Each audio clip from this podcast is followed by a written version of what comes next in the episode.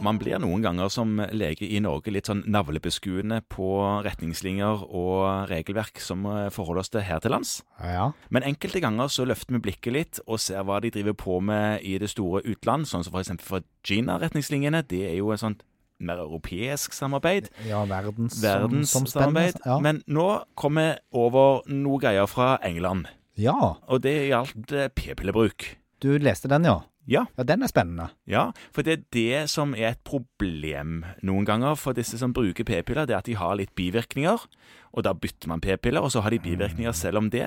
Og en del av de som bruker p-piller, de glemmer etter at de har hatt en uke pause og starter på igjen, Ja. og da blir det risiko for uønska svangerskap og graviditeter og sånne ting. Og noen har jo òg problemer med store blødninger i de periodene hvor de har pausen på pillene sine. Hos noen er det grunnen til at de begynner på p-piller, er at de har så mye blødningsforstørrelser. Ja, ja, og få kontroll på det, men allikevel så bør en mer enn en ønske selv på piller. Men nå er det en ny retningslinje i England som er godkjent av de Nice. Eng- Ja, nice, ja. Hva Ja. er nice igjen? Ja, Det, det er på en måte det engelske retningslinjevesenet. Ja, Ja, det er som- de som lager guidelines for det engelske Å helsevesenet. stemple dette her på en måte at det er godt dokumentert. Det er det. Ja. Det er som direktoratet her hjemme. Men dette her følger jo ikke egentlig felleskatalogen sin bruksbeskrivelse av p-piller. Så Nei. sånn sett så blir det litt sånn på siden. Ja, og det er et ikke ukjent eh, problem at guidelines ikke helt følger indikasjonene og oppskriftene i felleskatalogen. Men det kan, kan likevel være godt faglig grunnlag for det, og det denne komiteen har gjort, er at de har gått inn og sett på er det sånn at det er fordeler med å ta 21 dager på og 7 dager av, sånn som det står i alle anbefalingene, eller kan man like godt gjøre det på andre måter? Og så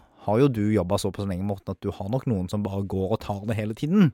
Ja, og jeg har jobbet mye med akkurat dette òg, sånn at det har jeg jo. Og, og det som du nå kan si til pasientene dine, det er det at det de skriver er at tilpasset eller skreddersydd behandling Ja. er like trygt som standardbehandlingen, som altså er 21-7, Ja. altså 21 dager på og 7 dager av, både med hensyn til uønskede svangerskap og bivirkninger.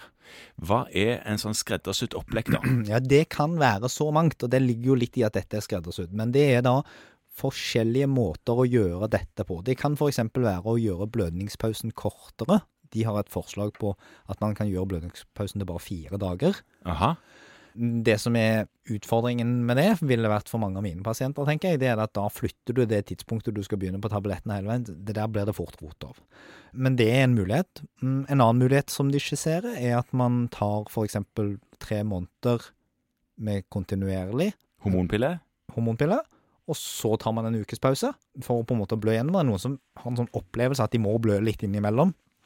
Ja. Ehm, og det kan man gjøre. Eller så kan man, eh, som de også skisserer, og det har jeg faktisk eh, noen pasienter som gjør, det er på en måte at de bare tar p-pillen til de får en eller annen gjennombruddsblødning. Og så tar de en pause da, Så tar de en ukes pause da, og så på den og igjen så på etterpå. den igjen etterpå. Ja. Eh, Eller så kan du bare gå på det, Og småblø litt. hvis du gjør det innimellom. Og noen gjør jo ikke det. Og det, og det vet vi jo også fra andre sånne litt mer langvarige prevensjonsmidler som eh, hormonspiral for eksempel, at noen blør ingenting i det hele tatt, og noen smørblør litt av og til. Forskjellen der er jo at eh, du mangler hormonet østrogen, eller østradiolkomponenten, Mm. i hormonspiralen, så du får liksom ikke den oppbygningen av endometri som du gjør på p-pillen. Det gjør du ikke. Nei. Men det de ser er på langtidsdata, altså både i forhold til uønskede svangerskap, det blir det ikke mer av, og kanskje blir det jo til og med mindre, fordi at hvis man tar noe hver dag, så er det vanskeligere å glemme, kanskje, Mm. eh, enn hvis du skal ta en pause av og til, og når var det sluttet, og når skulle jeg begynne igjen? Og så er det ingen økning av andre komplikasjoner, og da er det ting vi bekymrer oss for, da er jo typisk blodpropp. Ja. Sånn at det kan være en godt alternativ for de som har litt utfordringer. Og så er det jo interessant å se om f.eks. humørsvingninger blir mindre for de som har store problemer med det. Hvis du tar det hele veien, da vil du i hvert fall på disse monofasiske, som jo er de eneste du kan gjøre dette med, Ja. eh, få helt stabilt hormonnivå hvis du tar kontinuerlig. Ja. Og, og ikke de svingningene som nok bidrar til dette. Det er viktig å minne på det da, at det er de nye monofasiske p-pillene man kan gjøre dette med, og ikke de gamle trifasiske. Da blir det mye støy. Ja, Det blir støy, men nå har jo pendelen svingt. da, fordi at De trifasiske de lagde man jo for at det skulle etterape kroppens hormonsigninger gjennom syklus på en bedre måte, og tenke at det skulle være bedre og gi mindre bivirkninger. Ja.